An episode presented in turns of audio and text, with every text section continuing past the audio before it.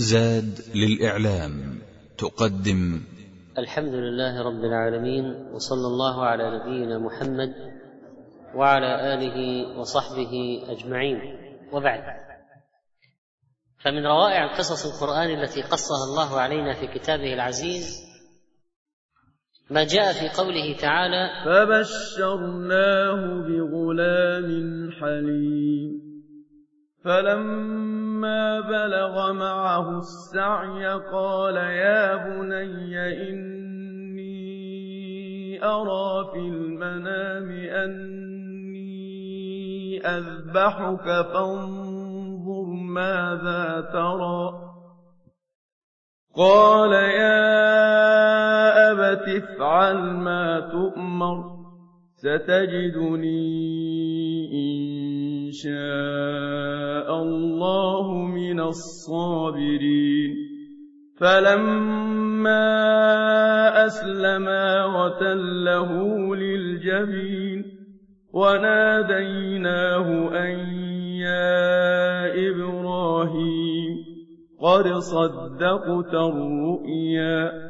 إنا كذلك نجزي المحسنين إن هذا لهو البلاء المبين وفديناه بذبح عظيم وتركنا عليه في الآخرين سلام على إبراهيم كذلك نجزي المحسنين إنه من عبادنا المؤمنين وبشرناه بإسحاق نبيا من الصالحين وباركنا عليه وعلى إسحاق ومن ذريتهما محسن وظالم لنفسه مبين يذكر تعالى في هذه الايات مخبرا عن خليله ابراهيم عليه السلام انه بعدما نصره الله على قومه ولم يكن هناك امل في استجابتهم بعدما شاهدوا الايات العظيمه ومنها هذه النار التي القوا ابراهيم فيها ولم يحدث له شيء بامر الله وقال الله لها كوني بردا وسلاما ولو لم يقل وسلاما لربما تاذى من بردها لكن قال بردا وسلاما راوا هذه الايات ومع ذلك ما تاثروا ولا امنوا ولا استجابوا فقرر ابراهيم عليه السلام الخروج من بين اظهرهم بعدما يئس من هدايتهم وكان قد مكث فيهم طويلا فدعا ربه سبحانه وتعالى ولم يكن له ولد هب لي من الصالحين اي ولدا صالحا فاستجاب الله سبحانه وتعالى له فقال فبشرناه بغلام حليم والمقصود بالحليم يعني اذا كبر لان الطفل الصغير قد لا يظهر حلمه وهو رضيع لكن فبشرناه بغلام حليم يكون حليما اذا كبر وهذا معناه بقاء ذلك الولد وانه لا يموت رضيعا لان الله قال فبشرناه بغلام حليم ومعروف ان هذه الصفه لا تظهر في الولد الرضيع بشكل واضح وكلمه غلام كذلك اذا فيها بشاره الى ان الولد سيعيش وأنه لن يموت وهو رضيع مثلا فكانت البشارة على ألسنة الملائكة وطبعا الحلم رأس الصلاح وأصل الفضائل والإنسان إذا كان حليما كان متأنيا وكان حكيما وكان متعلما وكان صبورا وكان خلوقا وكان جامعا للفضائل وكان آخذا بألباب الناس يجتمعون حوله لأن الحليم محبوب قال تعالى فلما بلغ معه السعي قال يا بني اني ارى في المنام اني اذبحك وهبنا له ذلك الغلام فلما بلغ معه المبلغ الذي يسعى فيه الولد مع ابيه يعني ان هذا كبر وترعرع وشب وصار يذهب ويجيء مع ابيه ويمشي فلما بلغ معه السعي إذا صار الآن يعين صار الآن يمكن الاعتماد عليه صار الآن ملازما لأبيه فتعلقت النفس به غاية التعلق لأنه الآن زينة للأب يمشي بجانبه يذهب معه يجيء معه يكون معه في المحافل في المجالس يعتمد عليه يمكن الاستعانة به تعلقت النفس به من كل وجه وفي هذا السن يكون الولد احب ما يكون لوالديه قد ذهبت مشقته واقبلت منفعته هذا السن فلما بلغ معه السعي هذا السن يكون الولد فيه قد ذهبت مشقته كلفه ومؤونه تنظيفه واطعامه صار يعتمد على نفسه ذهبت مشقته واقبلت منفعته بدا الان يعتمد عليه يمكن اسناد المهام اليه يمكن الاستعانه به هذا السن يرجى للولد ويحب غايه المحبه قال ابن كثير رحمه الله وقد كان ابراهيم عليه الصلاه والسلام يذهب في كل وقت يتفقد ولده وام ولده من اين يذهب من بلاد الشام الى اين يذهب الى مكه حيث هاجر ام الولد واسماعيل الولد ينظر في امرهما وذكر انه كان يركب البراق الى هناك لكن هذا يحتاج اثباته الى دليل صحيح فالله اعلم. وعن ابن عباس رضي الله عنهما ومجاهد وعكرمه وسعيد بن جبير وعطاء الخراساني وزيد بن اسلم وغيرهم فلما بلغ معه السعي شب وارتحل واطاق ما يفعله ابوه من السعي والعمل. قال الفراء كان يومئذ ابن ثلاث عشرة سنة فالله أعلم وقال ابن عباس هو احتلام هذا الولد الآن في سن الاحتلام وقال الحسن ومقاتل فلما بلغ معه السعي سعي العقل الذي تقوم به الحجة وقال ابن زيد السعي سعي العبادة فلما بلغ معه السعي أرى الله إبراهيم في المنام تلك الرؤيا الرؤيا ورؤيا الأنبياء حق إني أرى في المنام أني أذبحك فانظر ماذا ترى قال ابن عباس رضي الله عنه كانت رؤيا الأنبياء وحيا حديث حسن واخرج الطبري بسند حسن ايضا عن قتاده يا بني اني ارى في المنام اني اذبحك قال رؤيا الانبياء حق اذا راوا في المنام شيئا فعلوه قال القرطبي قال مقاتل راى ذلك ابراهيم عليه السلام ثلاث ليال متتابعات فالله اعلم وقال محمد بن كعب كانت الرسل تأتيهم أي يأتيهم الوحي من الله تعالى أيقاظا رقودا فإن الأنبياء لا تنام قلوبهم وهذا ثابت في الخبر المرفوع قال صلى الله عليه وسلم إن معاشر الأنبياء تنام أعيننا ولا تنام قلوبنا ولذلك إذا نام النبي ورأى رؤيا فإن رؤيا حق لأن قلوب الأنبياء لا تنام بل هي حية وما يرد عليها من الله تعالى فهو حجة يجب تنفيذه فأمر الله تعالى إبراهيم بذبح ولده والأمر لا بد من إنفاذه وإنما أخبر الخليل ابنه بذلك وقال يا بني إني أرى في المنام أني أذبحك ليكون أهون عليه بدلا من أن يفاجئه بالذبح وليختبر صبره وعزمه في صغره على طاعه الله وطاعه ابيه وهنا تظهر اهميه التربيه ويظهر اثر التربيه ويظهر جوده المعدن ويظهر هذا الاساس من طاعه الله في نفس اسماعيل عليه السلام لقد تلقى تربيه نبويه من ابراهيم الخليل فذه فليس بعجيب ان يطيع في ذبح وقتل وازهاق روح ولذلك قال صابرا محتسبا مرضيا لربه مطيعا لوالده يا ابت افعل ما تؤمر امضي لما امرك الله من ذبحي افعل ما تؤمر لم يقل لا مانع عندي بل قال افعل ما تؤمر يعني هذا الامر من الله انت تؤمر افعل ما تؤمر نفذ ما امرك به ربك الكلمه الرد افعل ما تؤمر يدل على ان الولد معتقد بهذا الوحي مؤمن بهذا الامر وان الباقي التنفيذ عليه وعلى ابيه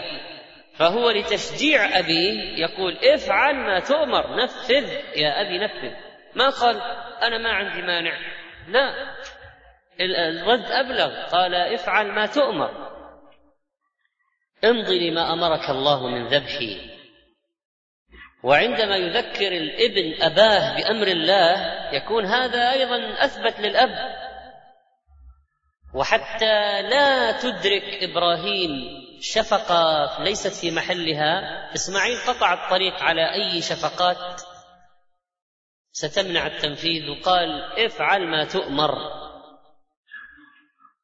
لا تتردد امضي لما أمرك الله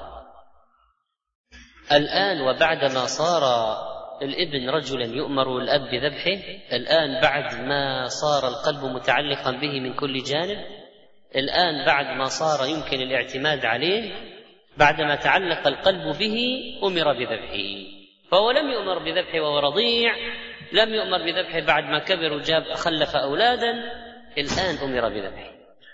هذه مساله فعلا بلاء ان هذا لهو البلاء المبين هذا ابتلاء عظيم هذا الوقت الذي امر فيه بذبحه وقت عصيب جدا بلا شك قد يقول بعض الناس لماذا رفع الله ابراهيم هذه الدرجه وافضل نبي من اولي العزم بعد نبينا عليه الصلاه والسلام مباشره ابراهيم الخليل لان الابتلاءات التي تعرض لها هذا الرجل العظيم ليست سهله يعني يصبر على اذى ابيه ويحاج قومه ويصبر عليهم في الدعوه ويناقشهم ويحاجهم ويكرر ويزيد ويعيد ويصبر على القائه في النار ما يتراجع مع انه القوه في النار ما يتراجع وكسر الأصنام وأنكر المنكر بيده وهاجر في سبيل الله من العراق إلى الشام ثم ابتلاه الله بكلمات فأتمهن وجاءته البشرى بالغلام وأمر بذبحه وصبر وبنى البيت العتيق وربى أبناءه على هذه الطاعة والدين في وقت ما كان في الأرض إنه ليس في الأرض مؤمن غيري وغيرك يقول لزوجته سارة مر في الأرض وقت ما كان في مسلم في الأرض إلا سارة إلا إبراهيم وزوجته فقط فقط تصور إذا رجل يعبد ربه في هذا الوقت من الغربة والكربة والوحدة والوحشة من الناس كيف سيكون من تكون منزلته عند رب العالمين وزيادة في التأكيد وتعهد من الابن بطاعة الأب وإسماعيل تصور ما معنى قضية ذبح مسألة الذبح هذه يعني قتل وإزاق الروح ومشقة وألم الذبح وذبح قال ستجدني إن شاء الله من الصابرين السين هذه تفيد التوكيد وقرب الوقوع ستجدني وتسمى أو يقال عنها للتنفيس وقال إن شاء الله لأنه أمر مستقبلي والإنسان لا يستطيع أن يجزم ماذا سيقع لكن يؤكد أنه سيجده صابرا سأصبر وأحتسب عند الله عز وجل وقرنه بالمشيئة لأنه لا يكون شيء بدون مشيئة الله سبحانه وتعالى وأيضا فإن عدم الاستثناء هنا يمكن أن يوحي بشيء من الاغترار أو الادعاء والزعم ولا يكون الإنسان على مستوى هذا الزعم وقد مر معنا أيها الإخوة أن مر معنا أن هناك من لم يقل إن شاء الله فلم يثبت وأن من قال إن شاء الله ثبت أين مر هذا؟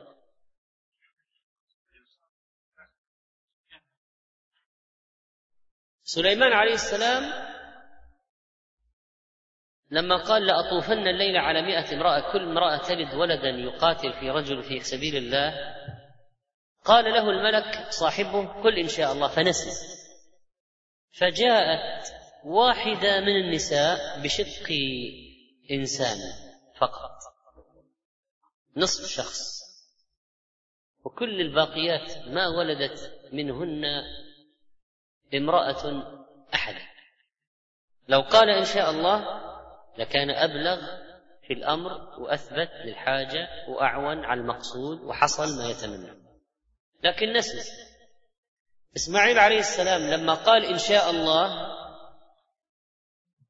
لما قال إن شاء الله ماذا حصل؟ ثبته الله هنا ستجدني إن شاء الله من الصابرين لأن المسألة تحتاج إلى صبر الآن وصدق في وعده ولذلك قال الله تعالى في إسماعيل واذكر في الكتاب إسماعيل إنه كان صادق الوعد وكان رسولا نبيا وكان يأمر أهله بالصلاة والزكاة وكان عند ربه مرضيا قال ابن كثير رحمه الله وهذا اختبار من الله عز وجل لخليله في أن يذبح هذا الوزير العزيز الذي جاءه على كبر وقد طعن في السن بعدما امر بان يسكنه هو وامه في بلاد قفر وواد ليس بها حسيس ولا انيس ولا زرع ولا ضرع فامتثل امر الله في ذلك وتركها هناك ثقه بالله وتوكلا عليه فجعل الله لهما فرجا ومخرجا ورزقهما من حيث لا يحتسبان اذا ابراهيم كان محتاج للولد لانه جاءه على كبر ثم الآن الولد هذا أمه تحتاجه لأن إبراهيم سيعود للشام وستبقى هاجر وحدها إذا ذبح الولد هو هذه مشقة إضافية وضغط آخر نفسي ولكن مع ذلك صبر الولد وصبر إبراهيم عليهما السلام على أمر الله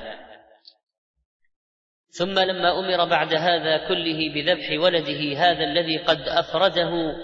عن امر ربه وهو بكره ووحيده الذي ليس له غيره اجاب ربه وامتثل امره وسارع الى طاعته ولا ندري والله بايهما اكثر اعجابا نحن بالوالد الذي يكلفه ربه بامر لا تكاد تطيقه نفس بشريه بأن يذبح ولده أم الإعجاب بهذا الولد النجيب الذي لم يبدي تذمرا ولا اعتراضا ولا تلكؤا ولا تباطؤا ولا عقوقا بل شجع والده على التنفيذ وتعهد بالصبر واستثنى بمشيئه الله لتحصل البركه ولم يغتر بذلك ولم يزعم ولم يدعي ادعاء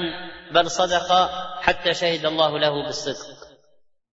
ثم عرض ذلك على ولده ابراهيم ليكون اطيب لقلبه واهون عليه من ان ياخذه قسرا فيذبحه قال يا بني اني ارى في المنام اني اذبحك فانظر ماذا ترى ان اختبار الولد من الاهميه بمكان وتحسس مدى صبر وثبات الولد في مواطن الشده مهم في توجيه الولد وتربيته فبادر الغلام الحليم سر والده الخليل ابراهيم فقال يا ابت افعل ما تؤمر ستجدني ان شاء الله من الصابرين غايه في السداد والطاعه للوالد ولرب العباد فلما اسلم وتله للجبين لما تشهدا وذكر الله ماذا حدث ولماذا ذكر الله هنا فلما اسلما ابراهيم يسمي على الذبح والولد يتشهد لان قبل الموت لابد من ننطق بالشهاده فلما اسلما ذكر الله ذكر الله إبراهيم ذكر على الذبح وإسماعيل ذكر على وداع الدنيا وداع الدنيا وقيل أسلما يعني استسلما وانقادا وامتثلا للأمر رغبة فيما عند الله خوفا من عقاب الله ووطن الولد نفسه على أنه مذبوح والأب احتسب الأجر في ذهاب فلذة كبده بيده لم يقل له سأرسل ملكا يذبحه أو هو سيموت سآخذه يموت حتف أنفه لا أنت تذبحه بيدك بيدك وقرأ ابن مسعود وابن عباس وعلي رضي الله عنهم فلما سلما يعني فوض أمرهما إلى الله وقال ابن عباس استسلما وأخرج الطبري بسنده الحسن عن قتادة أسلم هذا نفسه لله وأسلم هذا ابنه لله وتله للجبين قلبه قلب ابراهيم اسماعيل على جبينه ليضجعه فيذبحه منكبا على وجهه لئلا ينظر اليه وقت الذبح فلعله يرى من الم الولد وتغير وجهه عند الذبح ما يجعله يتراجع او يتلكا او لا يكمل الذبح فقلبه على وجهه ليكون هذا اعون على تنفيذ المقصود قال قتاده وتله للجبين اي وكبه لفيه يعني قلبه على فمه وأخذ الشفرة وجاء في بعض الروايات والله أعلم بصحتها أن الابن قال يا أبت اشدد رباطي حتى لا أضطرب واكفف ثيابك لئلا يتنضح عليها شيء من الدم فتراه أمي فتحزن وأسرع مر السكين على حلقي ليكون الموت أهون واقذفني للوجه لئلا تنظر إلى وجهي فترحمني ولئلا أنظر إلى الشفرة فأجزع واذا اتيت امي فاقرئها مني السلام فلما جر ابراهيم السكين ضرب الله عليه صفيحه من نحاس فيما قيل ولكن الذي عرفناه من الايه ان الذبح لم يتم مع ان الشروع فيه حصل لكن عطل الله خاصيه القطع في السكين كما عطل خاصيه الاحراق في النار فلما لم تحرق ابراهيم النار ومن خواصها الاحراق عندما القي فيها كذلك لم تقطع سكينه مع ان من خواص السكين القطع وقد اختار شفره قويه حاده لسرعه انجاز المهمه وتله للجبين وكبه وناديناه يا إبراهيم قد صدقت الرؤيا فالتفت التفت فإذا هو بكبش وقد يقال إنه ما دام لم تثبت الإشارة إلى لما دام لم تثبت صحة تعطل السكين عند القبر فيكفينا في الامتثال أنه تهيأ وأنه استعد وقلب الولد على جبينه وما عنده أي تردد في الذبح والتنفيذ وناديناه وناديناه أي يا إبراهيم قال ابن عباس رضي الله عنهما رفعه إلى النبي عليه الصلاة والسلام لما أتى إبراهيم خليل الله صلوات الله عليه وسلامه المناسك عرض له الشيطان عند جمرة العقبة فرماه بسبع حصيات حتى ساخ في الارض ثم عرض له عند الجمره الثانيه فرماه بسبع حصيات حتى ساخ في الارض ثم عرض له عند الجمره الثالثه فرماه بسبع حصيات حتى ساخ في الارض قال ابن عباس رضي الله عنهما الشيطان ترجمون ومله ابيكم ابراهيم تتبعون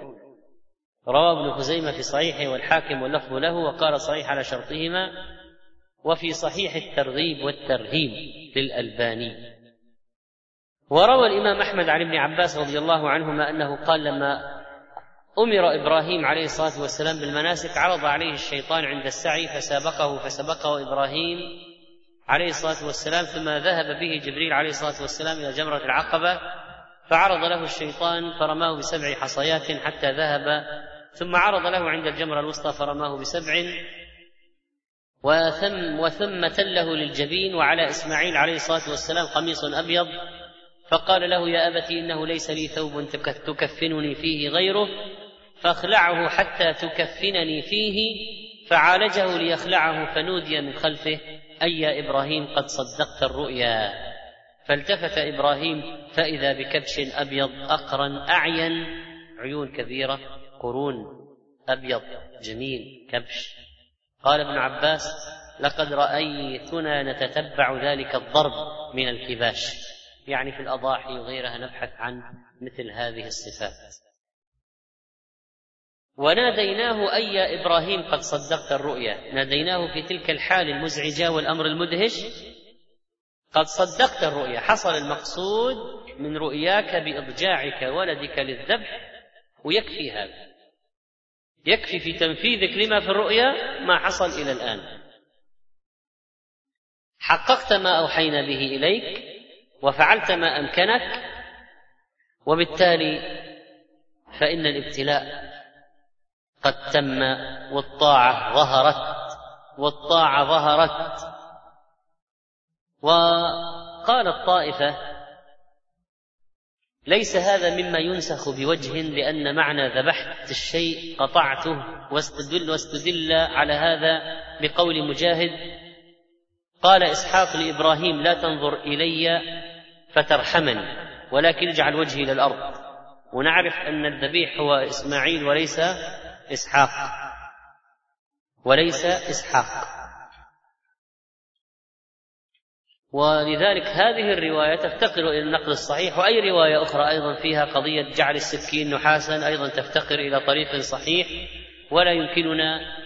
إثبات شيء بدون طريق صحيح لكن ما علمنا من الآيات أن إبراهيم استعد وتلوا للجبين وبالتالي ما كان عنده أي شك ولا تردد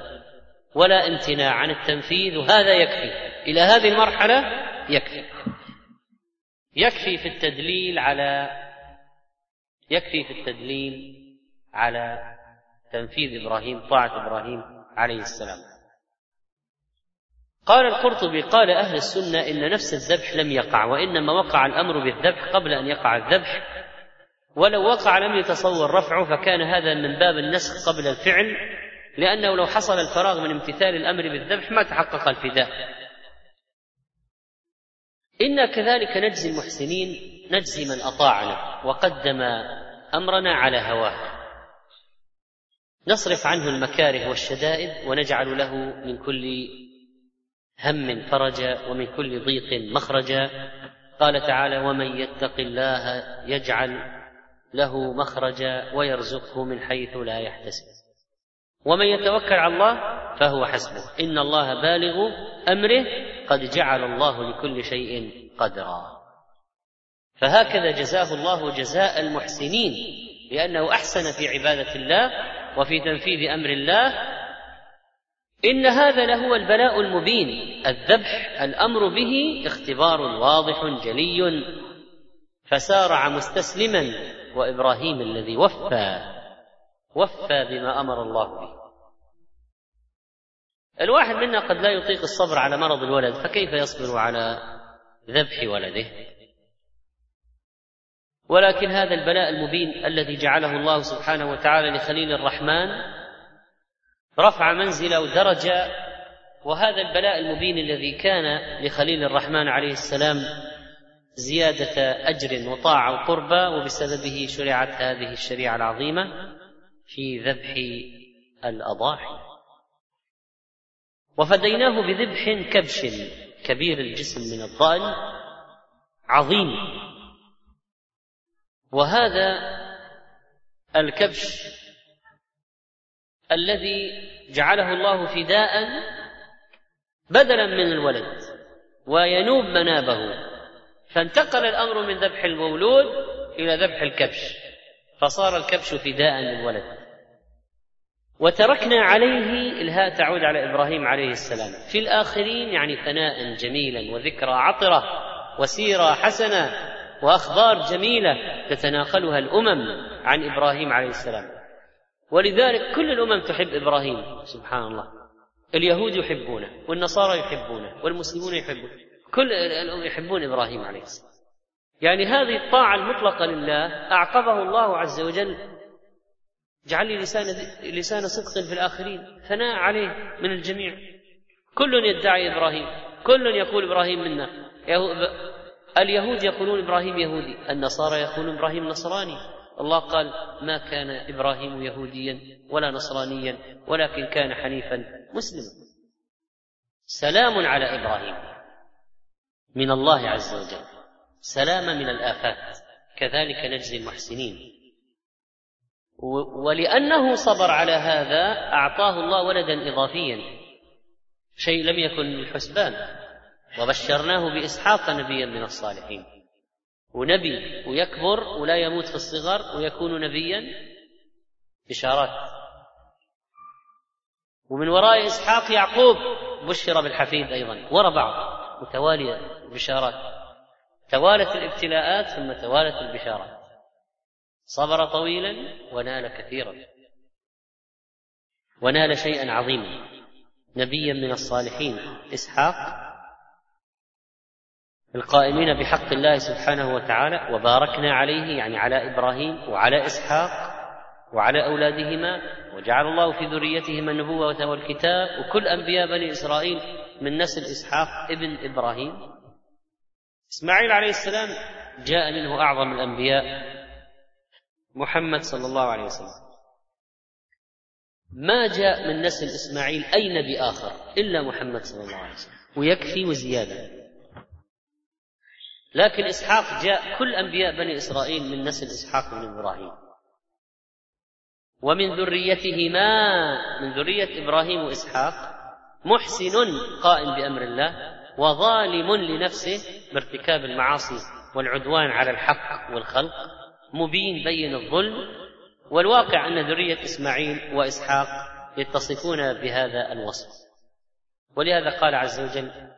لما عن ابراهيم عليه السلام لما قال اني جاعلك للناس اماما قال لا ينال عهدي الظالمين اشاره الى انه سيكون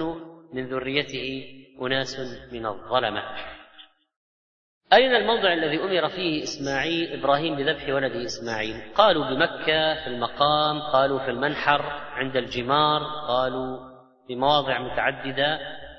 على صخرة لكن الله أعلم ب المكان وقال ابن عباس فوالذي نفسي بيده لقد كان أول الإسلام وإن رأس الكبش لمعلق بقرنيه في ميزاب الكعبة وقد يبس يعني أن الأجيال بعد إسماعيل عليه السلام ظلت محتفظة بالكبش بقرون الكبش في الكعبة حتى صار الأمر إلى حفظه في الكعبة ثم احترق لما احترقت الكعبة احترق قرني الكبش احترق قرناء الكبش بحريقها لقد حاول بنو إسرائيل ادعاء الفضل في هذه القصة لنبيهم إسحاق عليه السلام وقالوا إن الذبيح هو إسحاق وجاء عن بعض أهل العلم ذلك لكن الراجح أن الذبيح هو إسماعيل عليه السلام وممن قال بذلك من الصحابة أبو هريرة وأبو الطفيل وابن عم وابن عمر وابن عباس وقال ابن كثير وهو الصحيح المقطوع به وقال ابن عباس المفدى إسماعيل عليه السلام وزعمت اليهود أنه إسحاق وكذبت اليهود وعن حسن البصري أنه كان لا يشك في ذلك أن الذي أمر بذبحه من ابني إسماعيل من ابني إبراهيم هو إسماعيل عليه السلام قال محمد بن كعب القرظي أنه ذكر لعمر بن عبد العزيز رضي الله عنه وهو خليفة لما كان معه بالشام سأله أي بني إبراهيم أمر بذبحه فقال محمد بن كعب القرظي مع أنه أصلا من اليهود أصلا فقال إسماعيل والله يا أمير المؤمنين وإن يهود لتعلم بذلك ولكنهم يحسدونكم معشر العرب على أن يكون أباكم الذي كان من أمر الله فيه والفضل أو كان من أمر الله فيه والفضل الذي ذكر الله تعالى منه لصبره والمتعين إذا أن إسماعيل هو الذبيح والأوصاف التي ذكرت للذبيح لا تنطبق على إسحاق عليه السلام ويتعين أن يكون هو إسماعيل وإذا قارنا الصفات التي ذكرها الله لإسحاق والصفات التي ذكرها الله لإسماعيل فإن صفات الذبيح تنطبق على إسماعيل عليه السلام وقد بشر الله اسمع إبراهيم بإسم بإسحاق ومن وراء إسحاق يعقوب ولو كان إسحاق هو الذي أمر بذبحه لكان هناك تناقض عند إبراهيم كيف يؤمر بذبحه وسيولد له حفيد منه الله عز وجل بشر إبراهيم بإسحاق ومن وراء إسحاق يعقوب بشره بولد وحفيد فلو كان إسحاق هو الذبيح كيف سيكون هذا حاصلا عند إبراهيم الخليل أنه سيذبح ولده إسحاق طيب والحفيد الذي بشر به أين هو وهذا يدل على أن إسماعيل هو الذبيح والله عز وجل وصف إسماعيل بأنه صادق الوعد وإذا قارنا هذا بكلمة ستجدني إن شاء الله من الصابرين وجدنا أن ستجدني إن شاء الله من الصابرين وعد وأن مدح إسماعيل ينطبق عليها فلم يأتي في وصف إسحاق عليه السلام مثل ما جاء في وصف إسماعيل عليه السلام هذا إشارة أخرى إلى أن الذبيح هو إسماعيل عليه السلام والله وصف إسماعيل بأنه حليم وصف إسحاق بأنه عليم بالحاء وبالعين فوصف إسماعيل بأنه حليم ووصف إسحاق بأنه عليم أيهما يناسب الصبر على الذبح الحليم وهذا إشارة أخرى إلى أن إسماعيل عليه السلام هو الذبيح واذا صح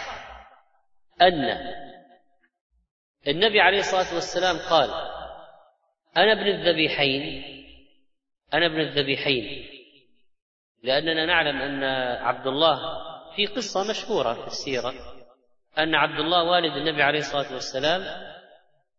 قد نذر بذبحه ثم فدي طبعا بين حصل هذا لجد عبد المطلب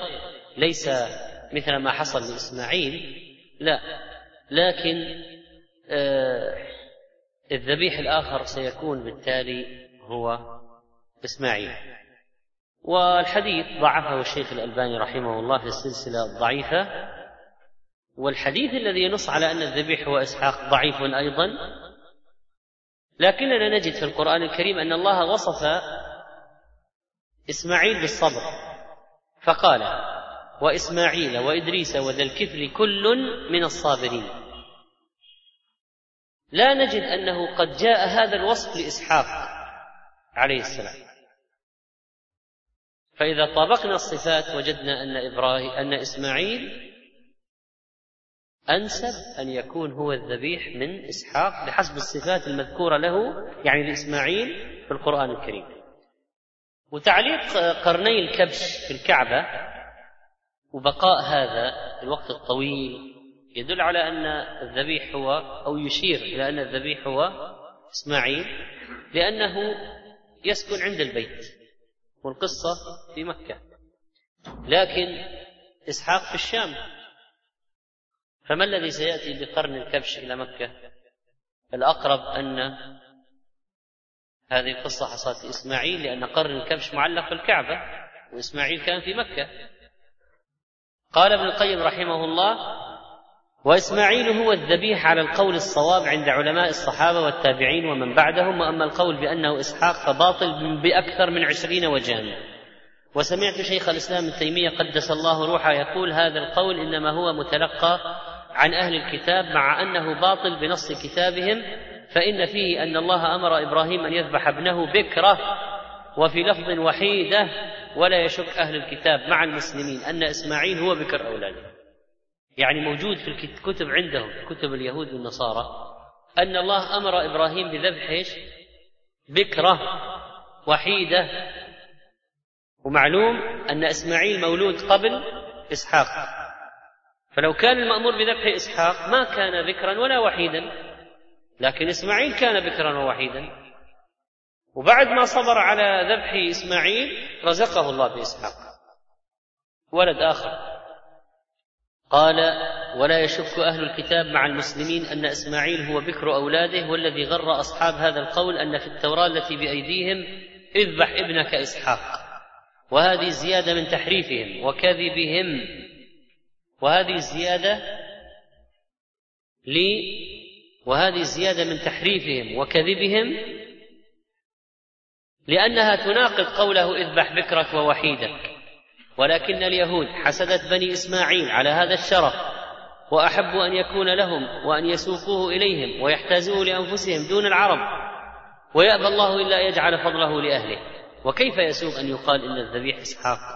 والله تعالى قد بشر أم إسحاق به وبابنه يعقوب فقال تعالى عن الملائكة إنهم قالوا لإبراهيم لما أتوا بالبشرى لا تخف إنا أرسلنا إلى قوم لوط وامرأته قائمة فضحكت فبشرناها بإسحاق ومن وراء إسحاق يعقوب فمحال أن يبشرها بأن يكون لها ولد ثم يأمر يأمره بذبحه ولا ريب أن يعقوب عليه السلام داخل في البشارة فتناول البشارة لإسحاق ويعقوب في اللفظ واحد وهذا ظاهر الكلام وسياقه قال ابن كثير لما أسلم كعب الأحبار في عهد عمر جعل يحدث عمر رضي الله عنه عن كتبه قديما فربما استمع له عمر فترخص الناس في استماع ما عنده عنه آه، غثها وسمينها وليس لهذه الأمة حاجة إلى حرف واحد مما عنده يعني أن يكون الذبيح إسحاق منقول عن كعب الأحبار فلا نصدق بها هذه القصة وبقي أن نقف وقفة بسيطة مع فوائدها من فوائد هذه القصة أيها الإخوة أن كل واحد وإن على قدره من البشر يفتقر إلى الله عز وجل وإلى من يعينه وذلك عندما قال إبراهيم رب هب لي من الصالحين اللجوء إلى الله في طلب ما يريد الإنسان ولو كان من أمور الدنيا ثانيا أن الصالحين يعينون الإنسان وأن الإنسان يطلب من الله أن يهب له من الصالحين أولاد وإخوان لأن الصالحين في غاية الأهمية في حياة الإنسان فهم وزراؤه وأعوانه وأصحابه وإخوانه وزنده وعبده والذين يتعاون معهم على البر والتقوى ولذلك قال رب هب لي من الصالحين قيض طيب، لي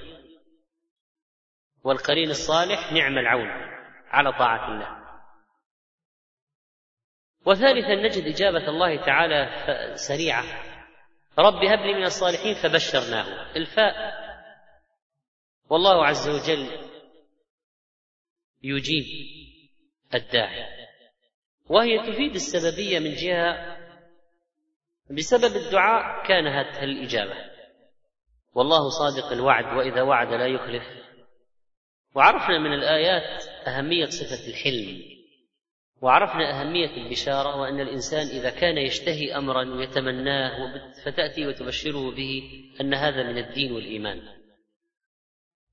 وبالذات ولادة الولد فنفهم من فعل الملائكة أن الإنسان يسن له أن يبشر أخاه المسلم إذا ولد له ولد ولا سيما إذا كان ذكرا يحمل اسم أبيه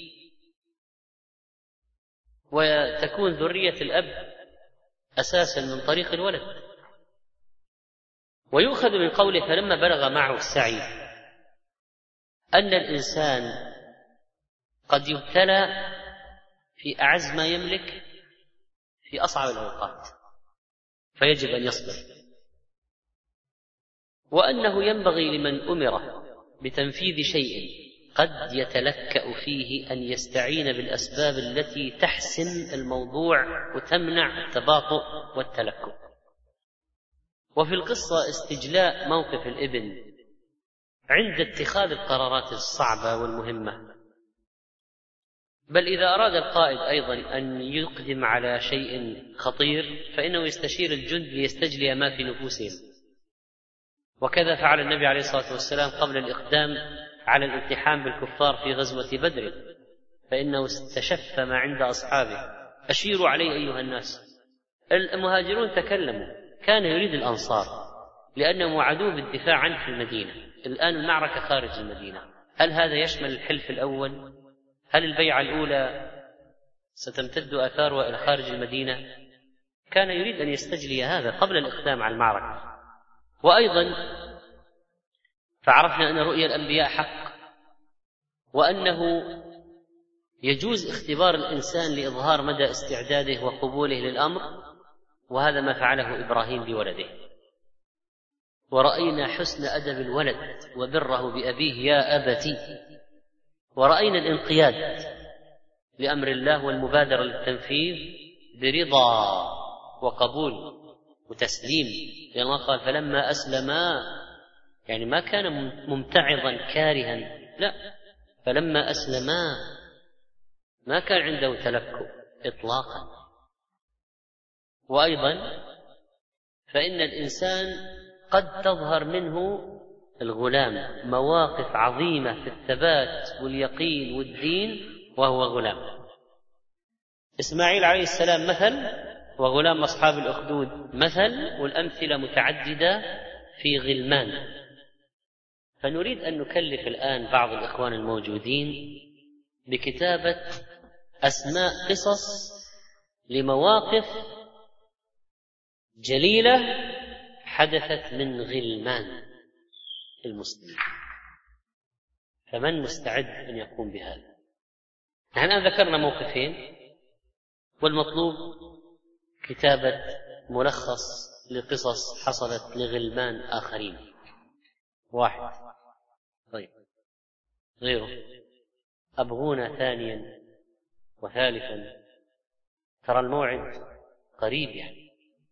24 ساعة طيب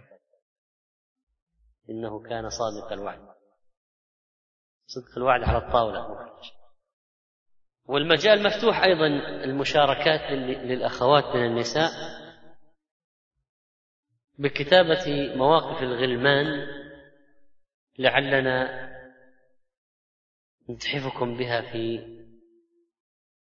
فيما يستقبل إن شاء الله الصبر يكون بامتثال الأوامر ويكون بالصبر على المصائب وليس فقط بالصبر على المصائب لأن هنا أمر مأمور بتنفيذه وأهمية الاستسلام لأمر الله وأن لا يكون تنفيذ الأمر عن كراهية وامتعاض بل يكون عن رضا وطواعية وأنه ينبغي الإنسان أن يزيل أي شيء يحول بينه وبين تنفيذ أمر الله ويعمل أي شيء يعينه على تنفيذ أمر الله ويشجعه عليه طيب من أين نأخذ إثبات صفة الكلام لله تعالى وناديناه لأن النداء لا يكون إلا بكلام عرفنا أن الفرج مع الكرب وأن مع العسر يسرا وأن المسألة إذا بلغت شدتها جاء الفرج يعني ما جاء الفرج لما رأى المنام ثأنعم مباشرة جاء لا ولا جاء لما كلم ابنه ولا جاء لما أو قبل أن يجهز الأدوات جاء وقد بلغت القضية منتهاها يعني ذروته في الصعوبة تله للجبين واستعد للتنفيذ هنا ملاحظة مهمة جدا وهي أنه لا يمكن بأي حال من الأحوال أن يأخذ الواحد من هذه القصة قتل الولد فإن هذا كان عبادة خاصة بإبراهيم في الرؤيا الخاصة بإسماعيل لأن قتل الولد من أكبر الكبائر أكبر الكبائر من أكبر الكبائر أن تقتل ولدك وقد قال الله تعالى ولا تقتلوا أولادكم وقد حدثوا عن قصة أليمة صارت لبعضهم في الهند وصارت لبعض الناس أيضا في مكان من بلاد العرب أن واحد رأى في المنام أنه يذبح ولده ففي الصباح اجتمع مع أصحابه فكل واحد منهم رأى نفس الرؤيا فذبحوا أولادهم جميعا قالوا هذه هذه مثل رؤيا إبراهيم فيقال هذا إبليس قطعا لأن الله أعطانا وحي واضح ولا تقتلوا أولادكم واضح جدا فكيف ينسب هذا برؤيا ما هي من الأنبياء من رؤى الأنبياء والرائي ليس نبيا فكيف ينطبق هذا على هذا ولذلك فإن قتل الولد من أعظم الكبائر والمسألة محسومة ولا يمكن حصول مشابهة لحال إبراهيم الخليل أبدا يعني الإنسان لا يقتل ولده إلا إذا رآه في عسكر المشركين أمامه ها هنا يقتل الولد إذا خرج محادا لله ورسوله مع جيش الكفار يقتل وقد يختبر الله أولياءه بمصائب على أيديهم أو بأمور يقومون بها بأيديهم وقد يختبرهم ويبتليهم بمصائب يقدرها عليهم هو عز وجل قد يختبر عباده بأشياء يفعلونها هم بأنفسهم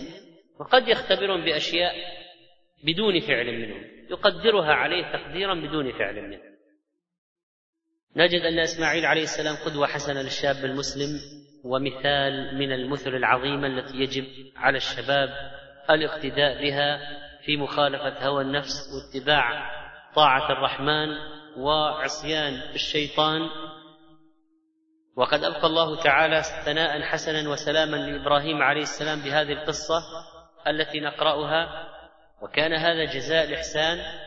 وفضيلة العبودية إنه من عبادنا المؤمنين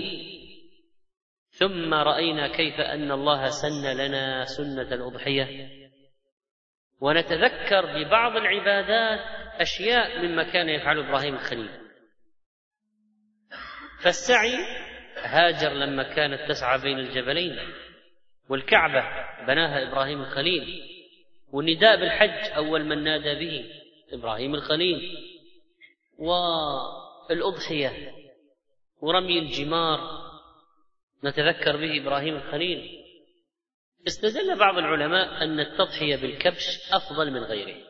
قالوا لأن الله فداه بكبش ولو كان البقر أفضل أو الإبل أفضل لفداه بناقة أو فداه ببقرة وفي المسألة خلاف بين أهل العلم فإنهم بن بعضهم قالوا البعير أفضل لأنه أكثر لحما وأنفع للناس فراء البقرة لي وقال بعضهم ان الكبش افضل لان النبي عليه الصلاه والسلام ضحى بكبشين اقرنين ضحى بالكباش ورد انه ضحى بالقب البقر عن زوجاته واهدى الحج